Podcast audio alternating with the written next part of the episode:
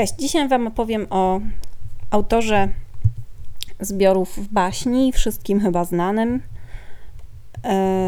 o Hansie Christianie Andersenie. Będę opowiadać dosyć chaotycznie, niekoniecznie chronologicznie, bo Andersen był postacią bardzo właściwie dosyć smutną. Jego e, życie było pasmem bardzo wielu właściwie samoograniczeń głównie ale niewiele zazwyczaj się o tym mówi w szkołach. Chociaż czytamy jego baśnie i jakby fajnie wiedzieć, kto za nimi stał. Ojciec Andersena, który otrzymał wyłącznie podstawową edukację, pokazał synowi literaturę. Czytał mu podobno arabskie noce i to najzwyczajniej wpłynęło na autora baśni bardzo mocno. Niestety zmarł dosyć szybko. Andersen miał wtedy 11 lat. Matka Andersena, Anna Maria, e, była niepiśmienną praczką.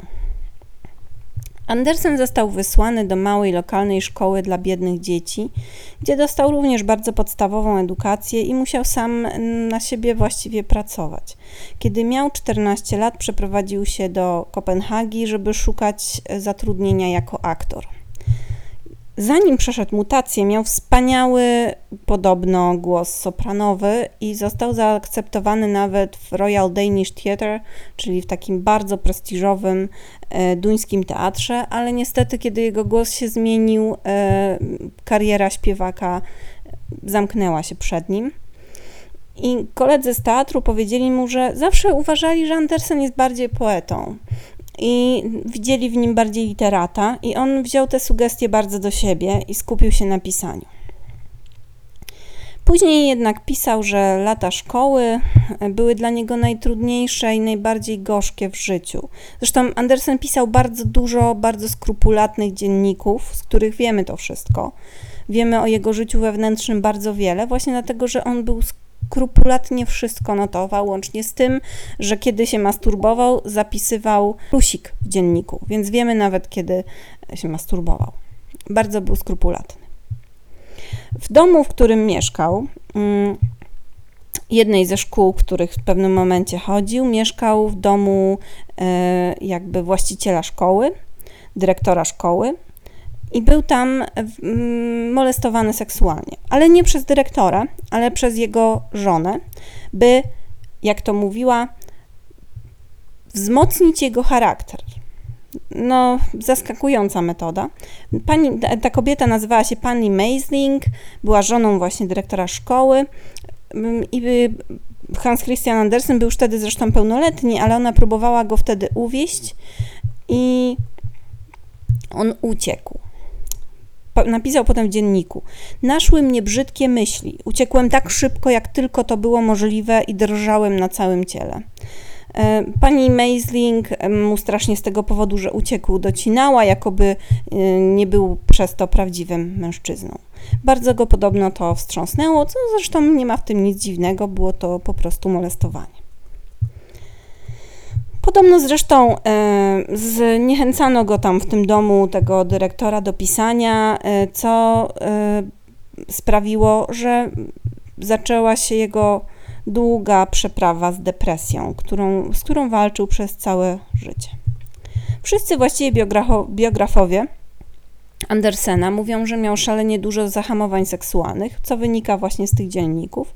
A było, e, w ogóle Andersen był biseksualny, ale sam akt, e, e, że tak powiem, cielesny był dla niego czymś na granicy obrzydliwości i był za każdym razem miał szalone wyrzuty sumienia, że w ogóle cokolwiek robił i tym się brzydził. Stąd dosyć jego obsesja na punkcie masturbacji, bo gdzieś musiały te jednak emocje i uczucia się kanalizować, nie ma w tym też nic specjalnie dziwnego. Bardziej się chyba jednak bał kobiet niż mężczyzn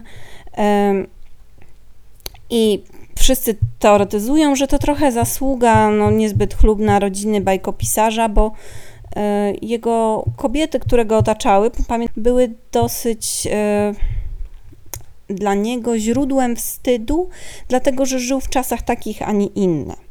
A nie innych. Na przykład wstydził się swojej babki, bo nigdy nie wyszła za mąż, a urodziła trzy córki, każdą z innego ojca.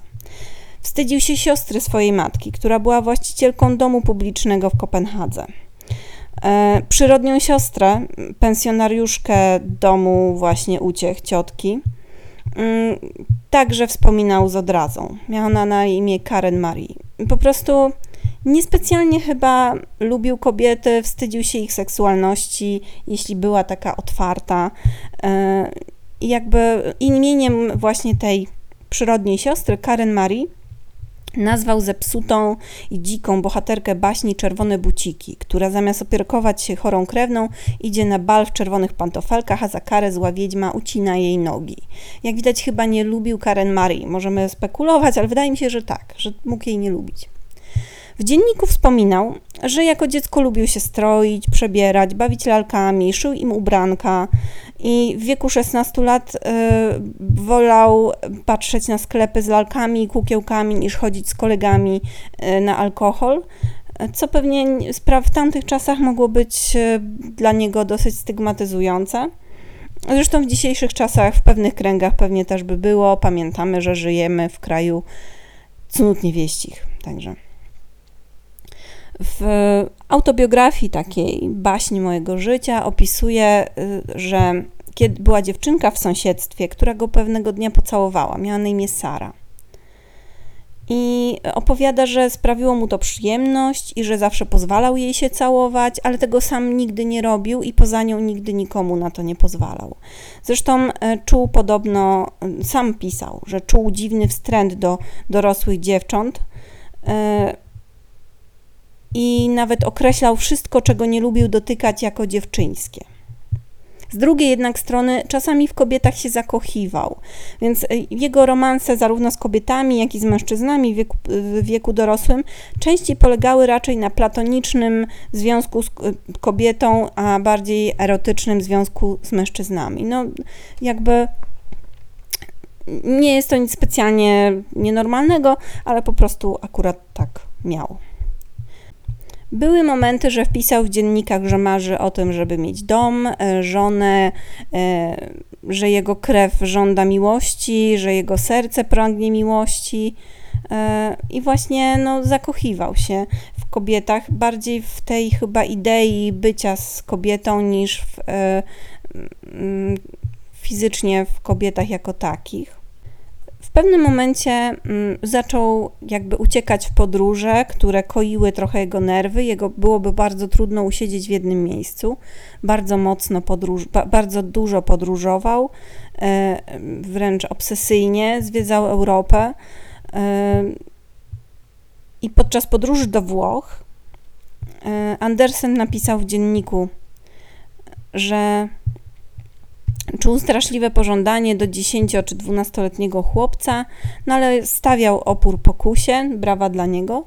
Y, I że ma, zas- że nieprawdopodobna walkę to, toczy z własną zmysłowością, y, że te żądze go po prostu zjadają. Także bardzo mocno boksował się ze swoją seksualnością. Mm, napisał też kiedyś, że Bóg poprowadził mnie do tego, co najrozsądniejsze i najlepsze. Nie uważam zaspokojenia tej żądzy za grzech, ale uważam to za obrzydliwe i niebezpieczne, a niewybaczalnie grzeszne z istotą niewinną. E, czyli jakby nie chciał po pierwsze nikomu zrobić krzywdy, po drugie mm, trochę się bał zaspokojać swoje żądze, jak to nazywał, E, i strasznie go to frustrowało. Także myślę, że był w tym, tej dziedzinie życia dosyć mocno nieszczęśliwy. Będąc u szczytu sławy, zakochał się w szwedzkiej śpiewaczce Jenny Lind. I wtedy zresztą, co wiele osób zaznacza, kiedy pisał Jenny Lind, w jego dziennikach pojawia się bardzo dużo tych plusików oznaczających e, samomiłość, jak to niektórzy ładnie określają. Nigdy jednak Jenny nawet nie dotknął. Pisał do niej listy, e, zakochiwał się i był właściwie wobec niej dosyć nieśmiały e, i było mu bardzo trudno się do niej jakokolwiek zbliżyć. Kiedyś jej właśnie dał list e, z pewną prawie że właściwie oświadczeniami, oświadczynami, ale ona odpisała mu, że widzi w nim raczej brata, co mocno z nim, mocno go zasmuciło i mocno nim wstrząsnęło, bo jednak chyba trochę o tej Jenny myśl, myślał jako o przyszłej swojej żonie. Zakochał się też kiedyś w Edwardzie Kolinie, e, takim e, młodym mężczyźnie. E, też bardzo mocno pisał do niego listy pełne miłości, ale Colin wolał kobiety jednak nie był dla Andersena nieprzyjemny. Napisał mu, że no, jakby nie może mu odpowiedzieć na tę jego miłość i bardzo nie chce mu sprawiać e, cierpienia. Także no, biedny Andersen bardzo zawsze trafiał na ludzi, którzy nie mogli odwzajemnić jego uczuć. W nieco późniejszym wieku yy, wreszcie trafił na kogoś, z kim był trochę dłużej i chyba wreszcie przez chwilę był w dziedzinie, że tak powiem, miłosnej życia trochę szczęśliwszy. E, z pewnym, związał się z pewnym duńskim tancerzem, Haraldem Szarfem. I to było już, kiedy miał lat ponad 50, więc była to taka bardziej dojrzała miłość.